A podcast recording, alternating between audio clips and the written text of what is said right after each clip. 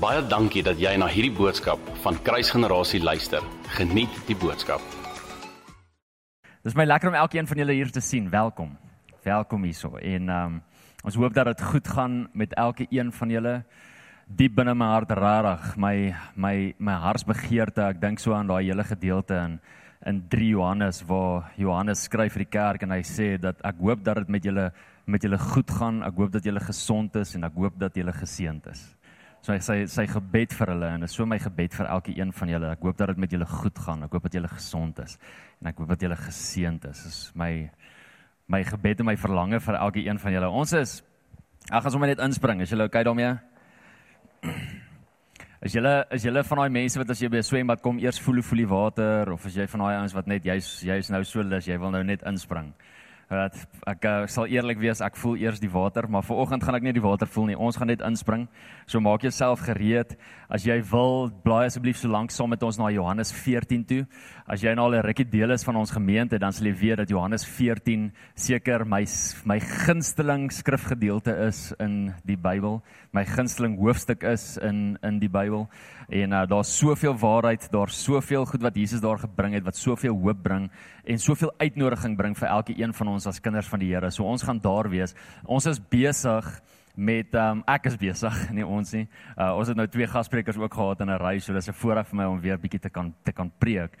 Um, ek is besig met die ek is stellings van Jesus wat hy gemaak het in Johannes. Johannes vang sewe ek is stellings op van Jesus en ons is vandag al by die 6de ene, kan jy hulle glo? Uh so vandag se ek is stelling vind ons in Johannes 14 en dit is waar hy die stelling maak ek is die weg, die waarheid en die lewe. En ons gaan so klein bietjie daaroor gesels. Volgende Sondag gaan ons klaarmaak met hierdie hele reeks. Dan is dit die laaste ek is stelling en dit is die ehm um, die stelling wat ons vind in uh Johannes 15. Maar julle moet wag tot volgende week vir vir daai ene. Goed. Gaan julle saam met my lees? Ek wil lees eintlik van um, van vers 1 af tot en met vers 11 toe. So ek weet dit is 'n groot gedeelte. Ons sal kyk of ek gaan stop tussenin. Ek weet nie. Um, hang af of Heilige Gees iets gaan gaan deel met my. Dalk net konteks konteks as jy lees van hoofstuk 13 af vanaf vanaf vers 31 dan sal jy sien dat Jesus is besig om met sy disippels te gesels oor die feit dat hy weggaan. OK, so hy het vir hulle gesê hy gaan weggaan. En uh, en Petrus, dis waar Petrus opstaan en sê nou hy's Here, jy kan nie weggaan nie. Ons het jou nodig. Jy moet hier wees. Niemand gaan jou doodmaak nie en en dis waar Jesus vir Petrus sê, Petrus, jy sal my verloon en al die goedjies. Goed. Dan kom ons in Johannes 14. En hierdie is wat hy vir hulle sê. Hy sê laat julle harte nie ontsteld word nie. Glo in God. Glo ook in my.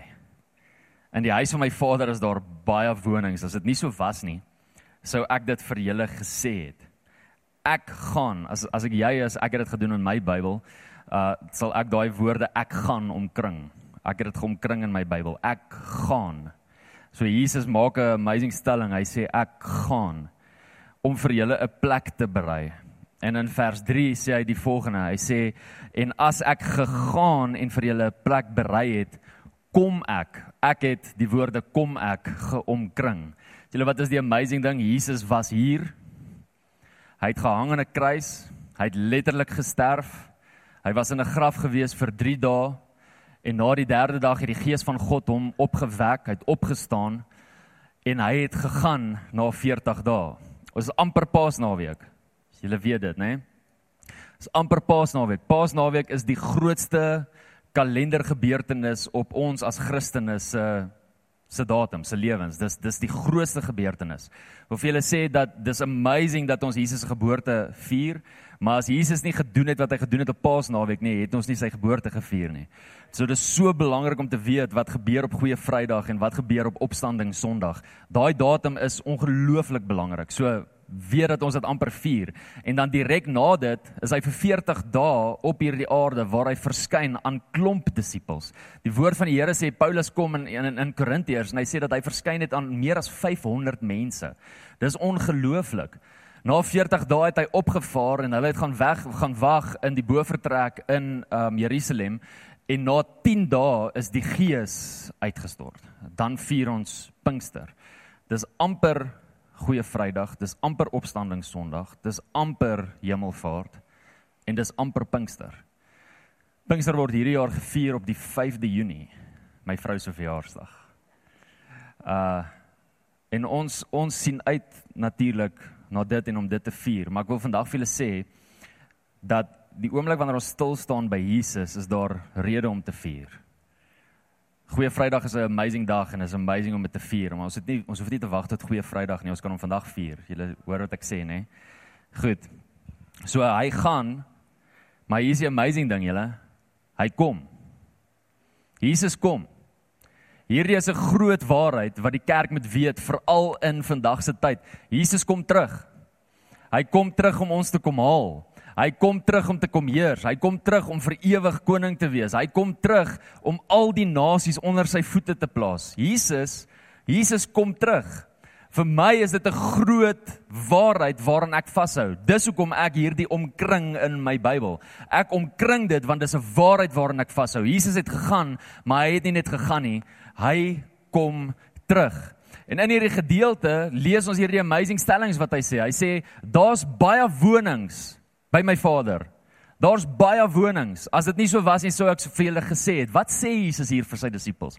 Hierdie is wat Jesus vir sy disippels sê. Daar's plek vir julle almal. Daar's plek, newsflash, daar's nie net 155 000 mense wat hemel toe gaan nie. Baie van julle lyk nou so geskok. As dit so was, sou ek van julle jammer gekry het. As ek sou jou kaartjie gesteel het. Dit is nie so nie, daar's daar's baie plek. Daar's genoeg plek vir ons almal. En Jesus sê dit so. En dan sê hy 'n amazing ding. Hy sê ek gaan hom vir julle plek te berei. Is dit nie vir jou 'n amazing stelling direk nadat Jesus sê daar's baie wonings nie. So as daar reeds baie wonings is en daar's genoeg plek vir almal, wat het hy gaan voorberei? En en dan lees ons ook die volgende, hoor wie. Hy sê Ehm um, kom ek lees net gou weer vers 3. En as ek gegaan en vir julle plek berei het, kom ek weer en sal julle na my toe neem sodat julle ook kan weet waar ek is. Die oomblik wanneer ons dit lees, dan dan dink ons by onsself, ons on, of ons on, interpretasie van hierdie skrifgedeelte kan baie vinnig wees dat die oomblik wanneer Jesus klaar is om 'n plek plek voor te berei, dan kom hy terug. So met ander woorde, ons konnektasie teenoor hierdie skrifvers is dat daar 'n tydfaktor is. So daar's 'n wanneer hy terugkom. Maar ek wil vandag vir jou sê dat as jy die hierdie skrifgedeelte reg interpreteer, gaan hierdie glad nie oor wanneer hy terugkom nie, maar vir wie hy terugkom. Die interpretasie van hierdie skrifgedeelte gaan nie oor om 'n tyd gebonde te hê nie. Dit gaan nie oor om te kyk na 'n datum en hierdie datum te probeer vasstel nie. Dit gaan nie daaroor nie. Dit gaan nie oor Jesus het nie hier gesê van wanneer hy terugkom nie. Hy het hier duidelik vir almal kom sê vir wie hy terugkom. Julle het al ek het al hieroor gepreek. Ek het eintlik dit al baie gesê. Ek wil dit net oor kommunikeer veral vir die van julle wat dit dalk nog nie gehoor het nie. Maar die Joodse kultuur het troues anders gewerk as in ons weste kultuur, veral in daardie tyd. In vandag se tyd het die Joodse troues al verander want hulle het baie nuwe goeders aangeleer. In die tradisionele tyd van Jesus het die troues anders gewerk. So in vandag se tyd staan die bruidegom voor en die bruid loop in en ontmoet die bruidegom voor. In Jesus se tyd staan die bruidegom voor, nee skus, staan die bruid voor en die bruidegom kom in. So die bruidegom kom letterlik om haar te kom haal. Die oomblik wanneer hulle verloof word, gaan die bruidegom die verloofde, gaan hy weg om 'n plek voor te berei. Hy gaan bou letterlik huis. Hy gaan maak seker dat hy finansies en 'n inkomste het. So hy maak seker dat hy kan sorg vir die bruid. En die oomblik wanneer hy standvastig is, die huis is daar, hy het 'n goeie inkomste, hy standvastig. Die oomblik wanneer hy standvastig is, dan kom haal hy die bruid en dan gaan woon hulle in die huis wat hy voorberei het. So die oomblik wanneer Jesus kom en sê ek gaan om vir julle 'n plek voor te berei en as ek klaar is kom ek vir julle terug, sê hy duidelik vir wie hy terugkom. Vir wie kom hy terug? Vir sy bruid. Hy kom sy bruid haal. Dis waar hierdie hele skrifgedeelte gaan. Dis die konteks van hierdie hele skrifgedeelte. Jesus kom herinner ons van die feit dat hy vir sy bruid kom. Nou, as jy ja, ek weet nie of ek nou in hierdie moet ingaan nie. Ek raak nou side track dit, maar ek is so opgewonde wanneer ek oor die bruid begin gesels. Ehm um, as jy as jy Openbaring 19 gaan lees, dan sal jy sien dat die bruid daar is en dan is die die die bruilofsmaal se gaste ook daar. Weet jy dat daar 'n verskil is tussen die bruid en die gaste wat by die bruilof is? Dis 'n preek vir 'n ander dag. Die vraag wat ek vir jou wil vra is, is gaan jy deel wees van die bruid of gaan jy deel wees van die gaste? Gaan dit daar los food for thought, gaan gaan lees dit bietjie op. Vers 4 sê en waar ek heen gaan, weet julle en die weg ken julle. En Thomas sê die volgende, hy sê: "Here, ons weet nie waar jy gaan nie. En hoe kan ons die weg ken?" En Jesus sê in vers 6 en dis dan waar ons gaan stil staan vandag. Hy sê ek is die weg, die waarheid en die lewe. Niemand kom na die Vader behalwe deur my nie. As julle my geken het, sou julle my Vader ook geken het. En van nou af ken julle hom en het julle hom gesien. En Filippus sê vir hom: "Here, toon ons die Vader en dit is vir ons genoeg." En Jesus sê vir hom: "Ek is al so lank al by julle en het jy my nie geken nie, Filippus? Hy wat my gesien het, het die Vader gesien. En hoe sê jy toon ons die Vader?" Vers 10: "Glo jy nie dat ek in die Vader is en die Vader in my nie? Die woorde wat ek tot julle spreek, spreek ek nie uit myself, maar die Vader wat in my bly, hy doen die werke. Vers 11, laaste laaste versie. Glo my dat ek in die Vader is en die Vader in my. Of anders, glo my ter wille van die werke self.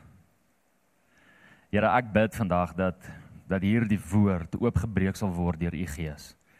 Ek bid dat elke hart ontvanklik sal wees. Ek bid dat ons nie vandag familier sal wees met 'n skrifvers en sal mis wat Heilige Gees vir ons wil wys en hoe ons hierdie woord kan deel maak van ons lewens nie.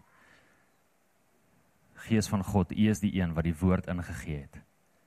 U is die Gees van openbaring. Is die Gees van kennis. Kom breek hierdie oop in Jesus naam. Amen. So Jesus is die weg, hy is die waarheid en hy is die lewe. Wat beteken dit? Dit beteken baie duidelik net die volgende. Jesus is die weg na God.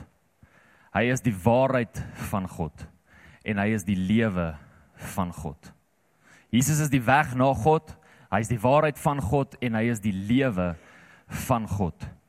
Nou ons het reeds die vorige keer gepraat oor die feit dat Jesus lewe is met met ons vorige stelling het hy gesê ek is die opstanding en die lewe en daar het ek so bietjie stil gestaan by by die woord lewe en uh, 'n uh, paar goeters gesê. En een ding wat ek gesê het, ek wil julle net gou herinner, is dat ek gesê het buite Jesus is daar nie vir ons lewe nie. Ons begin eers lewe die oomblik wanneer ons Jesus ontmoet. Paulus kom en hy sê dit ook in Efesiërs 2 vers 1. Hy sê julle was dood gewees as gevolg van julle misdade, maar omdat julle in Christus is, is julle nou lewendig. Daar is nie lewe buite Jesus nie. Die oomblik wanneer ons Jesus ontmoet, dan begin ons eers lewe. Dan begin ons eers ontdek wat lewe is. Wie ek is maak nie saak totdat ek nie die groot ek is ontmoet nie. Wie ek is maak nie saak totdat ek nie die groot ek is ontmoet nie. Omdat hy lewe is, het ons wat in hom glo ook lewe. Jesus maak die amazing stelling en hy sê dat wanneer ons in hom glo, wanneer ons glo dat hy die opstanding en die lewe is, sal ons nooit sterf nie. Vandag vir jou sê die realiteit van hierdie wêreld is is dat ek hier doodgaan in mense se oë het ek dood gegaan. Die waarheid wat Jesus Christus vir ons deel hier is dat ek nooit sterf nie. My liggaam gaan dalk weg, maar my gees en my siel is vir ewig. Dit is so belangrik. Familie, ek wil hierdie sê, dit is so belangrik om te weet dat jy vir ewig gaan lewe. Of jy Jesus ken of nie. Die oomblik wanneer jy hom ken, gaan dit afhang waar jy vir ewig gaan lewe.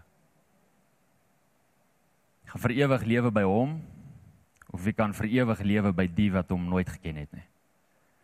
Die hel was nooit gemaak gewees vir die mens nie. Jesus sê dit ook so. Dit was gemaak vir Satan en sy demone. Maar die waarheid bly staan is dat ons 'n regverdige regter het en dat hy vir ons 'n weg gegee het en iemand gegee het om ons los te kan koop sodat ons voor hom kan staan eendag skoon gewas. Maar as ons nie in Jesus is wat die weg is nie, dan gaan ons nie skoon gewas voor hom staan nie en dan gaan ons hel toe gaan. Dit is die waarheid van die woord. Daai keuse hang nie van God af nie. Hy het klaar vir ons daai keuse gemaak op die kruis. Daai keuse hang af van elke persoon wat in hierdie plek is. Niemand kan jou dwing om daardie keuse te maak nie. Niemand kan jou afpers of emosioneel opsweep om daardie keuse te maak nie. Elke een van ons wat in hierdie plek is, het 'n ontmoeting nodig met die koning van die konings. En dis daardie ontmoeting wat maak dat ons 'n keuse maak om aan hom te glo. En die oomblik wanneer ek aan hom glo, is daar vryheid en vir ewige lewe vir my saam met hom binne in die hemel. My hele hart en my hoop en my ek hoop met met alles binne in my dat elke een wat in hierdie plek is, daardie keuse gemaak gemaak het. Jesus is die weg. Jesus is die weg. Hy sê self niemand kom na die Vader behalwe deur my nie. Jy kom nie na God toe deur Boeddha nie. Jy kom nie deur God toe na God toe deur Mohammed of Allah of enige ander god of Krishna of wie ook al daar is nie. Die enigste manier vir ons om na God toe te kom is deur Jesus Christus want ons het sy bloed nodig. Dis sy bloed wat ons die toegang gee om na die Vader toe te gaan. Hy is die weg. In die Ou Testament was daar baie boksies wat 'n mens moes getik het, wat die priester moes getik het voordat hy in die teenwoordigheid van van God kon ingaan. Daar's baie rituele, daar's baie goed wat hy moes doen voordat hy in die allerheiligste kon instap en as hy een van daai boksies gemis het en hy daar ingestap, moes hulle 'n nuwe priester kry. Saas. Vandag is daar een boksie wat ons hoef te tik. En dit is ken jy Jesus Christus? In die oomblik wanneer jy hom ken, het jy die boksie getik wat maak dat jy vrye toegang het tot die koning van die konings. Sodat jy by hom kan wees en saam met hom tyd te kan spandeer. Die weg na God se teenwoordigheid is nie meer deur 'n klein letterlam nie. Die weg na God se teenwoordigheid is nou deur die groot letterlam. Het julle daai ingevang? Is julle my my? So dis nie meer deur 'n skapie wat geslag is nie, dis deur God se lam wat hy gestuur het, Jesus Christus, deur daardie lam. Hoor wat sê Hebreërs 10 vers 19 tot 20. Hebreërs 10 vers 19 tot 20 sê terwyl ons dan broeders vrymoedigheid het om in die heiligdom heiligdom in te gaan deur die bloed van Jesus op die nuwe en lewendige weg. Hoor julle wat sê hy? Op die nuwe en lewende weg wat hy vir ons ingewy het deur die voorhangsel heen. Dit is sy vlees. Dis 'n amazing skrifgedeelte daai. Wat hierdie skrifgedeelte vir ons sê is is dat Jesus vir ons 'n nuwe weg gemaak het om in God se teenwoordigheid in te gaan. Ons het nie meer al hierdie boksies om te tik nie. Ons hoef nie meer te doen wat die priesters gedoen het nie. Ons hoef nie meer al daai goeters te doen en vir liewe skapie of sy sy naam Choppy is of wie ook al hy is te slag sodat jy daar kan ingaan nie. Jy hoef letterlik net Jesus te ken. Daar's 'n nuwe weg. Jesus is die weg binne in God se teenwoordigheid in. En daarom is dit belangrik vir ons om hom te ken. Sê dat die voorhangsel geskeur is, dit is sy vlees. Weet julle dat daar staan in Matteus dat die oomblik toe hy sy asem uitgeblaas het, daar 'n aardbewing geplaas gevind het en die voorhangsel in die tempel geskeur is. Die voorhangsel in die tempel was geskeur gewees wat wil net gou sê, hulle reken dat die dat die voorhangsel, daai gordyne wat daar gehang het, omtrent 30 cm na 'n meter dik was. So dik dit was. Dit was dit was letterlik oopgemaak deur osse wat gespan is wat getrek het aan weerskante toe. Het daai voorhangsel oopgemaak sodat die priester kon ingaan. Daai voorhangsel het geskeur die oomblik toe die seun van die mens se liggaam geskeur was. It's amazing. Prys die Here. Wat maak dit ons vrye toegang het tot hom. Ons het nou vrye toegang nie deur die lam wat van die moederskoot van 'n ander lam kom nie, maar deur die lam wat van God afkom. Hoor gou mooi. God het seker gemaak dat ons toegang het tot Jesus as gevolg van iets wat hy gegee het en nie iets wat die mens of die wêreld kon gee nie. Dink aan dink aan Abraham en Isak. Die oomblik toe Isak op die altaar lê en Abraham gekom het en hy die mes optel om vir Isak te offer, daardie oomblik stop God hom en en wys vir hom dat daar 'n lam is in die bos. Daardie lam in die bos was deur wie gegee? Deur God en hy kon daardie lam vat en sy seun van die altaar afhaal en daardie lam opsit om daardie lam te offer. Daardie lam is profeties van die lam van God wat gekom het sodat ons nie op daardie kruis hoef te gehang het nie, maar dat daai lam op daardie kruis gehang het. Jesus Christus. 'n Lam wat deur God gegee is. Geen mens het daardie offer gegee nie. Geen wêreldse stelsel nie, geen skapie wat op hierdie wêreld is het gekom en die perfekte lam gegee nie. God het die perfekte lam gegee sodat ons saam met hom kan wees. So amazing profetiese beeld. Omdat hy die weg is, maak hy 'n weg waar niemand anders kan nie.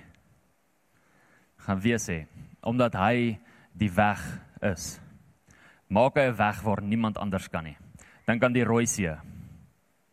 Die oomblik toe hulle by die Rooi See kom, is daar nie meer 'n manier waartoe kan hulle gaan.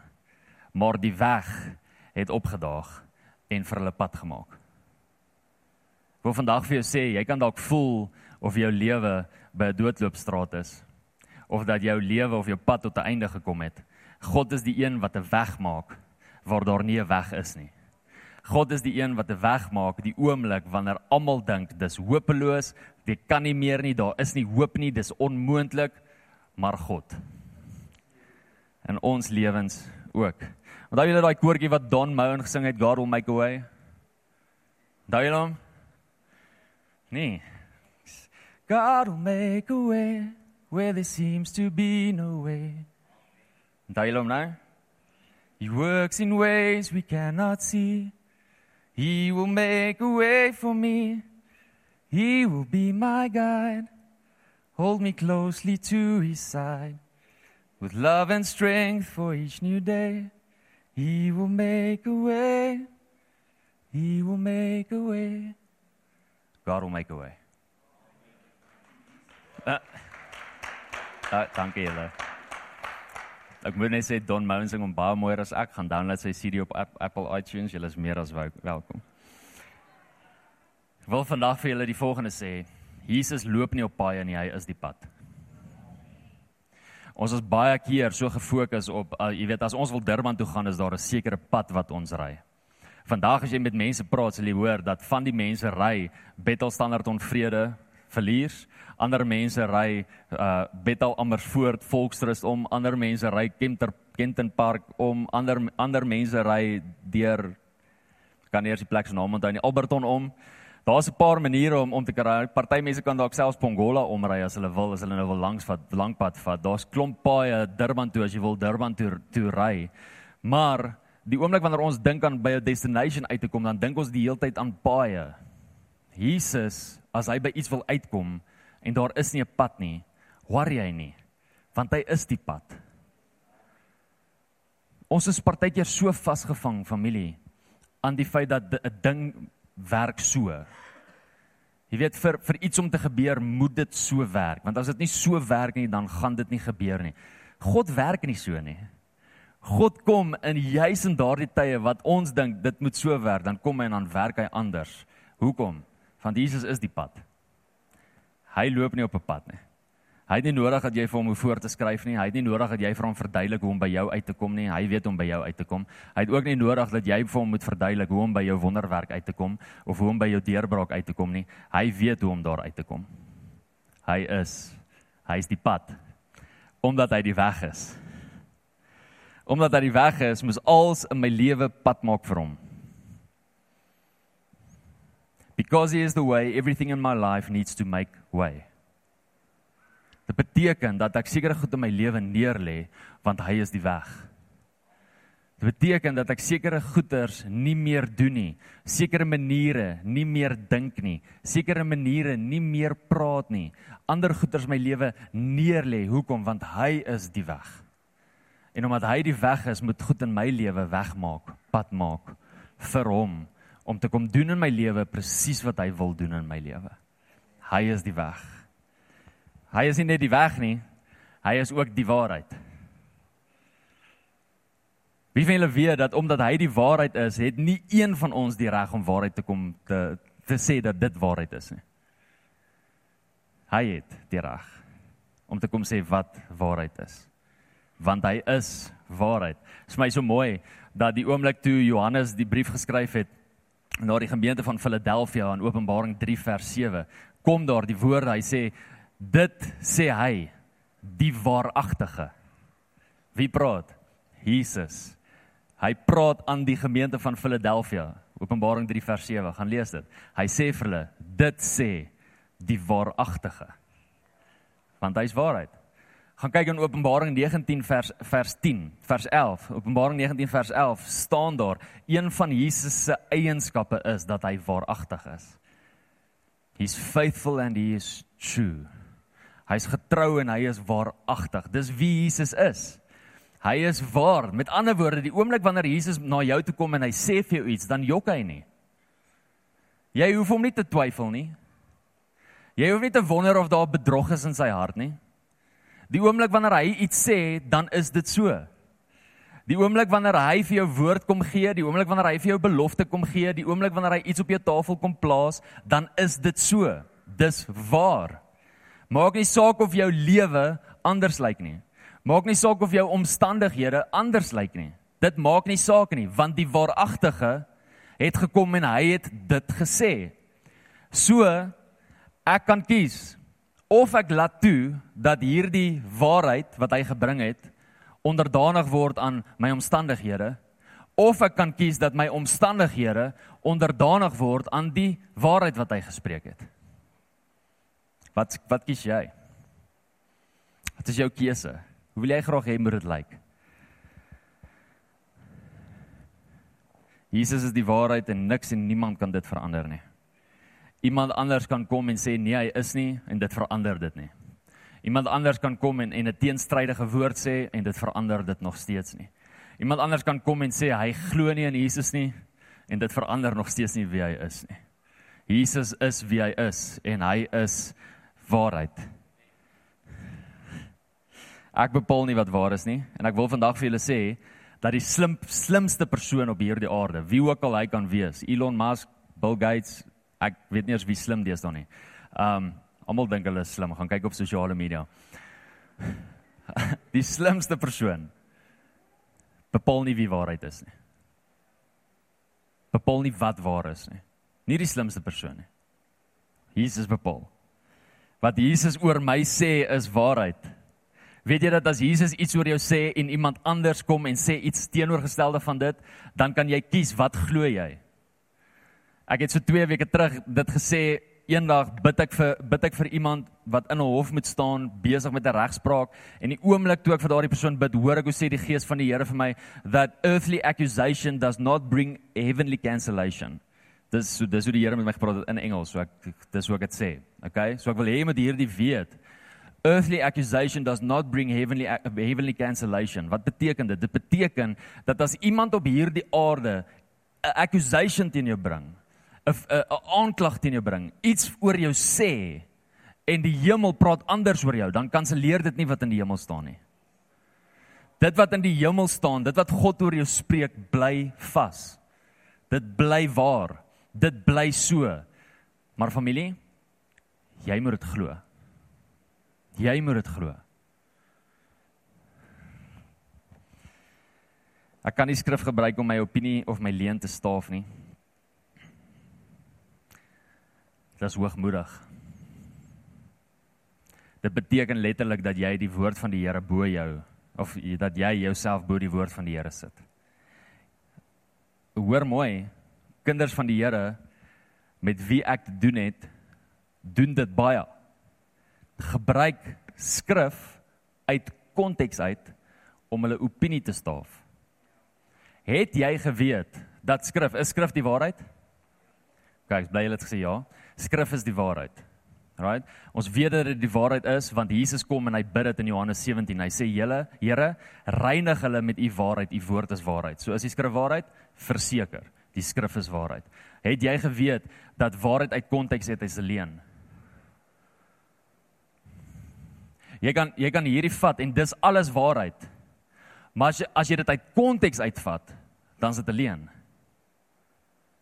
En weet julle wat is die hartseer ding van vandag is dat baie gelowiges vat skrif wat waarheid is uit konteks uit om hulle opinies te staaf en omdat hulle skrif gebruik het, voel ander Christene want nou kan ek nie met hulle stry nie want dit is seker maar die waarheid. Selfs in kerke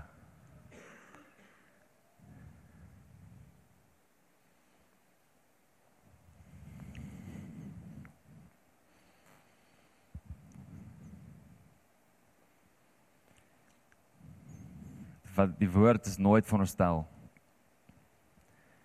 my opinie te staaf nie. Familie, ek wil vir jou sê dat as my opinie verskil met die woord, dan is my opinie verkeerd. Ek wil hê jy moet dit weet. As jou opinie verskil met die woord en die konteks van daardie woord, dan is jou opinie verkeerd. Dan is jy verkeerd en die woord moenie dan verander nie. Jy moet. Ek moet dan verander. Ek hoor so baie, ag, dit is so 'n kontroversieel topik, maar nou ja, ons is mos nie bang nie. Hoor so baie hoe mense in vandag se tyd veral wat vashou aan die homoseksuele beweging, die hele LGBTQ+ beweging, hoe hulle skrif uit konteks uitvat om te staaf dat dit wat hulle doen reg is. Of wat hulle skrif uitmekaar uittrek en sê nee, maar dit was nooit oorspronklik so nie. Oorspronklik het hierdie so daar gestaan. Jy hoogmoedig is jy as jy die die skrif van die Here aanpas by jou leefstyl. Jy weet jy hoe hoogmoedig is dit? Weet jy dat ons nie geroep is om toe te laat dat dat dat hierdie moet aanpas by ons leefstyl nie, maar dat ons leefstyl moet aanpas by die skrif. Dis dis hoe dit moet lyk, dis wat moet gebeur. OK? Ek kan nie myself regverdig deur saam met my verloofde of saam met die persoon met wie ek uitgaan in te trek en voor die huwelikse seks te hê wat God nie behaag en skrif uit konteks uitvat om dit te doen en so te kan leef nie. Ek kan nie dat die skrif aanpas by my leefstyl nie. My leefstyl moet aanpas by die skrif. Ek moet as die skrif van my sekere goed verwag so lyk so lewe dit doen. En as die Here van my verwag om heilig te wees dan beteken dit dat ek moet heilig wees in elke opset en elke area van my lewe. Elke opset en elke area van my lewe. Dit beteken dat ek sekere goed in my lewe moet neerlê. Ek rook nie meer nie want die Heilige Gees het vir my gesê ek moenie meer rook nie Maak nie saak hoe lekker dit vir my was nie, want as dit nie vir my lekker was nie, het ek dit nie gedoen nie. Die Here het vir my gesê ek moet dit nie meer doen nie. Nou doen ek dit nie meer nie. Ek gaan nie met hom stry nie, want ek gaan nie eendag voor hom staan en dink dat ek hoor as hy is nie. Ek gaan intedeel eendag nie voor hom staan nie. Want die oomblik wanneer ek voor hom gaan wees daar, kan ek jou beloof gaan ek op my knieë wees. Gaan nie staan nie. Weet jy hoe groot is hy? Gaan so oorweldig wees in daardie oomblik. Jy gaan nie kan staan nie. Ons moet submit onder wie hy is. Ons moet submit onder sy grootheid. Hy is die waarheid. Wat hy sê en wat hy verwag is hoe ek moet lewe. Ons almal, Pastor Willem het nou nou gevra, wie wil almal geseënd wees? En ek hoop almal het hulle hande opgesteek. Ek het nie agtertoe gekyk nie. Ons almal wil geseënd wees. Wie wil nie geseënd wees nie? Dis great, maar die woord van die Here sê dat as jy geseënd wil wees, dan moet jy jou tiende betaal. Daar's nie 'n nee maar of 'n nee maar ek dink. Dit maak nie saak wat jy dink nie. Ek dit dink ek nou aan the rock van WWE. It doesn't matter what you think. Sorry, ek my Ek is ook partykeer so random. Dit maak nie saak wat jy dink nie. Julle family Dit maak nie saak wat jy dink nie. Daar sekerre beginsels in God se woord en as jy nie aan daai beginsels gaan volhou en en en doen wat daai beginsels gee nie, dan kan jy dit nie manipuleer dat dit so werk nie. Jy kan nie. As jy vrug wil hê op jou saad, moet daar 'n tiende wees. Ons het dit nou net gelees in Maleagi 3 vers 10 en vers 11. As jy wil hê dat die vyand nie jou finansies by jou kom steel nie, dan moet jy jou tiende betaal want dan sal hy die sprinkaan afweer. Het julle gesien hoe lyk die sprinkane in die Noord-Kaap? Het julle gesien daai boere is moedeloos? Imagine hoe lyk dit in die gees. En as jy hulle jy moet gifstowwe spuit en allerlei goeders doen. Ek sien die een ou het met sy Hilux bakkie daar deur gery en gesê hy het sy deel gedoen. Jy, jy kan in die fisies enige iets probeer doen. Right? Maar daar's net seker goed wat daai dan keer. Jy wil nie eers die sprinkaan begin afweer as die sprinkaan daar is om te begin eet nie. Jy wil daai ding kry terwyl hy nog in sy eiers is. Kan jy dink hoe lyk dit in die gees as jy toelaat dat so plaag jou finansies kom steel? Kan ek net die volgende sê, julle, die ekonomie van die wêreld vat shots op hierdie oomblik. Jy kan nie toelaat dat jy in die gees ook wil shots vat nie. Betaal jou tiende. Jy doen dit nie vir my nie, jy doen dit vir jou. Jy doen dit vir hom. Glo my. Nee, maar ek kan nie bekostig om my tiende betaal nie. Ek kan nie bekostig om nie my tiende te betaal nie. Ons praat nie baie oor geld nie, want ons het nou geleentheid gesien. Nou het ons daar daarop gegaan. Die skrif is die waarheid. Het jy geweet dat die dat die duiwel skrif uit konteks uitgevat het om vir Jesus te tempteer? Jy weet dat jy weet dat as die skrif in konteks was en Jesus het gedoen wat die vyand vir hom gesê het om te doen in Matteus 4, dan het Jesus nie gesondig nie. Want dis skrif, dis waarheid. Maar die skrif is uit konteks uit en omdat dit uit konteks uit is, die oomblik wanneer Jesus sou ingee in dit, sou dit sonde gewees het. Die vyand gebruik vandag nog skrif uit konteks uit om mense te tempteer, om bewegings te laat vas staan, om valse profete te laat vas staan. Skrif uit konteks uit. En as jy nie nie net die skrif ken nie, maar die konteks van die skrif ken, hoe gaan jy weet? Hoe gaan jy weet? Jy het 'n verantwoordelikheid om hierdie woord te ken. Ek kan nie hierdie woord vir jou ken nie. Ek studeer nie hierdie woord vir jou nie. Ek studeer hierdie woord vir my. Hierdie Bybel is vir my geskryf. Dit is my voorreg om te kan preek, dit is my voorreg om die woord te kan oopbreek aan jou, maar wie van julle weet, ek studeer nie hierdie woord sodat ek kan preek nie. Ek studeer hierdie woord vir my sodat ek kan doen wat hierdie woord sê, sodat ek my lewe in lyn kan bring met wat hierdie woord sê, sodat ek kan lewe en my lewe in lyn kan bring met waarheid. Dis hoekom ek hierdie woord studeer.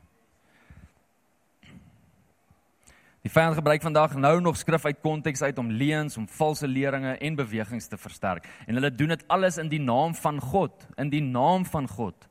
Maar in werklikheid is dit alles in die naam van kleinletter God, hulle self.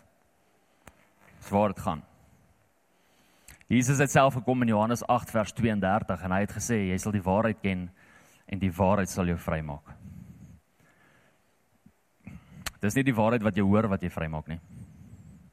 Dis die waarheid wat jy ken wat jou vrymaak. Vir my om die waarheid te ken, is daar twee goeders nodig. Ek het nodig om vir Jesus te ken want hy's waarheid.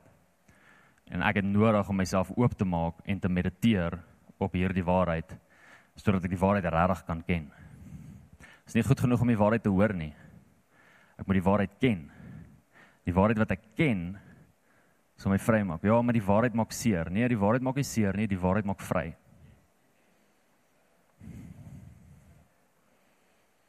Immaturity maak dat jy seer kry as daar waarheid kom. Maturity maak dat jy vry word as daar waarheid kom. En die Here het ons geroep, ons almal om mature te wees. Volwasse gelowiges te wees. En hier's vir jou 'n maatstaf. Hier kan jy kyk of jy al volwasse is of nie volwasse is nie. Hoe voel jy die oomblik wanneer daar 'n korreksie kom in jou lewe, wanneer iemand jou korrigeer of wanneer daar waarheid kom? Hoe voel jy? Hoe tree jy op? As jy op 'n plek waar jy repent, as jy op 'n plek waar jy sê, "Ag, ek is so jammer, ek het dit gemis." Of jy op 'n plek waar jy, "Hier dit is nie, ek dink, it doesn't matter what you think."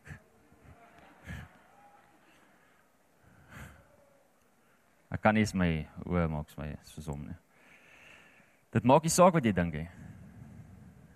Het jy geweet in die Ou Testament, jog, ek kan nou nie onthou waar daai skrif is nie. In die Ou Testament roep die Here vir Moses by die berg op. Moses gaan by die berg op. Daar's klomp dele waar Moses op die berg op gaan, okay, nie net in Eksodus 33 nie. Dis hoekom ek nie die skrif onthou nie. Moses gaan by die berg op. Die Here sê vir Moses dat hy vir die volk moet sê hulle moet die volgende doen. Hulle kom Alright. Uh, hy kom na hulle toe. Hy sê vir die volk presies wat die Here sê en hulle antwoord die volgende. Hulle sê net wat ons doen, nog net wat ons hoor, sal ons doen en dan sal ons verstaan. Hoor jy wat sê hulle? Net wat ons hoor sal ons doen en dan sal ons verstaan. Hoor, hoor jy wat sê hulle? Hulle verstaan nie hoekom hulle dit moet doen nie. Maar hulle sal dit doen. Hoekom? Want God het so gesê. Eers familie. weet jy wat se weet jy wat se gevaar is daar in ons lewens wanneer ons eers iets wil doen wanneer ons dit verstaan? Is dit waarvoor God ons roep? Moet ons eers 'n ding verstaan voordat ons dit doen of moet ons gehoorsaam wees? Ons moet gehoorsaam wees. As die Here iets van ons verwag, dan verwag hy nie van ons om dit te verstaan nie. Hy verwag van ons om dit gehoorsaam te wees. En hoor wat sê hulle? Hulle sê net wat ons hoor sal ons doen en dan sal ons verstaan. Die oomblik wanneer ons dit gedoen het, vloei die openbaring van hoekom ons dit gedoen het. So as jy 'n ding wil verstaan, doen dit. Nee, maar ek verstaan nie hoe werk tiende nie. Doen dit, dan sal jy verstaan. Ek verstaan nie hoekom ek my naaste lief hê nie. Doen dit, dan sal jy verstaan. Wees gehoorsaam aan dit wat Jesus vir jou sê. Hy's waarheid. Hy's waarheid. Daar's nie bedrog in sy hart nie. Julle daar's nie bedrog in sy hart nie. Ek ek het hierdie al so baie gesê. Ek voel so iemand moet dit weer vandag hoor. Jesus kyk nie na jou en kyk na jou hartsomstandighede en kyk waar jy emosioneel is en kom sê vir jou goeters net sodat jy kan beter voel oor jouself nie. Hoor jy dit? Mense doen dit. Mense sê vir jou iets dat jy net bietjie kan beter voel. Jesus kom en sê vir jou iets en die oomblik wanneer hy vir jou iets sê, dan is dit die waarheid.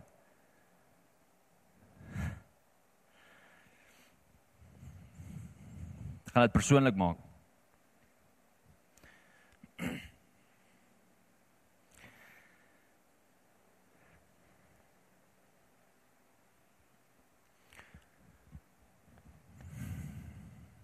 en my vrou probeer nou nou Oktober. Is dit 11 jaar, November, is dit 11 jaar wat ons probeer vir kinders, 11 jaar. En in in die 11 jaar, okay. Ons kan vir julle 'n boek skryf van wat ons al alles gehoor het, wat ons al alles beleef het, wat mense al vir ons gesê het, wat mense al gesê het ons moet doen, wat ons nie moet doen nie, hoe ons moet optree, hoeveel sondes daar is in my lewe wat ek moet bely, wat se profetiese woord ek al gekry het van wanneer ons kinders gaan in vervulling kom, profetiese woorde hoekom ons kinders nie gebeur nie. Ek kan ons kan vir julle 'n boek skryf van goeters wat gebeur het. OK. Ons is op 'n stadium in in 2015. Dis ons dis ons nou so, dis ons so 4 jaar in. Jy weet 4 jaar wat ons die Here vertrou en 4 jaar is dalk nog min tyd, maar in 2015 is ek en my vrou op 'n plek waar ons regtig regtig down is. Ons weet nie meer nie, ons weet nie meer jy weet want daar is soveel woorde en daar's soveel mense wat vir ons kom sê wat om te doen. En op 'n stadium voel ek soos 'n soos 'n groot mislukking. Ek voel ek is nie in God se wil nie. Ek is nie besig om te doen wat hy wat hy wil hê ek moet doen nie en dis hoekom ons nie kinders kry nie of jy weet ek voel ek het goeders gedoen in my verlede en ek het nog nie alles repent nie en omdat ek nog nie alles repent het nie, is is die vrug nog nie daar nie. Mense glo stupid goed as mense wat die Here dien, nê, nee, en hulle self sien as pastore vir jou sekere goeders kom sê, dan dan glo jy stupid goed. En um En ons is regtig op 'n down plek, regtig net nie op 'n lekker plek nie. En ons gaan na 'n konferensie toe. En daar's 'n daar's 'n predikant van Australië af. OK. En um terwyl ons in daai konferensie sit, die hele konferensie gaan oor kerkplanting. Hoe om 'n kerk te plant by Oldham. Okay, hoe om 'n kerk te plant. En hierdie ou is letterlik besig om vir ons stappe te gee van okay, hoe plant jy nou 'n kerk? En terwyl hy besig is om vir ons stappe te gee van hoe om 'n kerk te plant, loop hy en hy stop by ons en terwyl hy so vir ons kyk, sê hy vir ons: "Ja, mense het al baie vir julle gesê oor julle kinders." Hy ken ons van geen kant af nie, hy kom van Australië af. Dan en hoor wat sê hy? Hy sê en die Here sê hulle kom wees net geduldig. Die oomblik toe hy dit gesê het, het ek net my hart gevoel, ja, jy weet die Here die Here weet nou waar ek emosioneel is en en hy weet ek is nou down, so hy kom sê dit net vir my sodat ek weer okay is. Net net sodat ek net weer okay is. Dis nie dis nie wat ek ervaar het nie. Ek het dadelik ervaar dat God sy belofte kom beamoen. Daar's niks bedrog in die hart gewees die oomblik toe die Here dit kom doen nie. Niks nie. En dadelik het al die leuns en al die religious goed wat mense vir ons gesê het ons moet doen en hoe ons moet lyk en hoe ons moet optree, al daai goeters het net daar afgeval. Net daar. Dit is net die volgende besef. God se tydsberekening is so mooi en is so goed en is so perfek. Beteken dit dis maklik? Nee, daar's tye wat ons nog steeds huil. Maar ons huil nie omdat omdat ons dink ons nie die kinders gaan kry nie. Dis nie hoekom ons huil nie. Ons weet God is waar en dit wat Jesus het gaan gebeur. So, so ons huil nie oor dat ons dink dit gaan nie gebeur nie. Dis nie hoekom ons. Ons huil want ons het so groot begeerte. So groot begeerte om my eie profetesie groot te maak. Wat hier in die kerk kan rondhol en van die ooms kan irriteer terwyl ek preek. Ek het so groot begeerte. vir so ene. En 'n laaitie wat hier is en sommer 'n bal raak skop en dalk die kamera omskop of wat ook al en uh nee, so nee, hulle sal soet wees. Hulle sal regtig soet wees. Ek ek maak net grappies. Ek maak net grappies. Ons het 'n begeerte en dit is hoekom ons huil. So die die huil, die hartseer is as gevolg van die begeerte. Dis nie omdat ons God nie in God vertrou nie. Dis nie omdat ons hom nie glo nie, want hy is die waaragtige een. Hy is die een wat waar is in dit in het die Here vir ons baie gesê, maar ek, ek gaan nou nie aan dit ingaan nie. Dis 'n preek vir 'n ander tyd. Hy is die weg. Hy is die waarheid. Hy is die lewe. Ons het die voorreg om hom te kan ken. Ken hom vandag as die weg. Ken hom as die waarheid. Ken hom as die een wat lewe gee. Ken hom as die een wat lewe gee weet omdat hy die een is wat lewe gee, kan ek celebrate die oomblik wanneer ek nie meer hier is nie. Julle kan celebrate. Die oomblik want ek gaan anyway. Julle kan celebrate as ek nie meer hier is nie. Met ander woorde, as iets met my gebeur of as die Here my kom haal, julle kan celebrate. Want ek is nie dood nie. Hy is lewe. Onthou wat D.L. Moody gesê het, ek sê dit omtrent by elke begrafnis wat ek doen, maar dit is so kragtig. D.L. Moody, baie bekende teoloog, gaan gaan swat gaan studeer hom, gaan kyk wie hy is. Hy nie studeer hom nie, gaan soek hom op. Okay. Sorry. D.L. Moody, hy het gesê, die dag wat jy hoor ek is dood, moet dit vir geen oomblik glo nie. Want op daardie dag is ek die lewendigste as wat ek nog ooit was. Hoekom? Want hy is lewe. Jesus is lewe. Ons groet mense hier, maar ons sien hulle weer. Ons sê hier vir mense baie Hulle gaan nie wil terugkom in elk geval nie, hulle.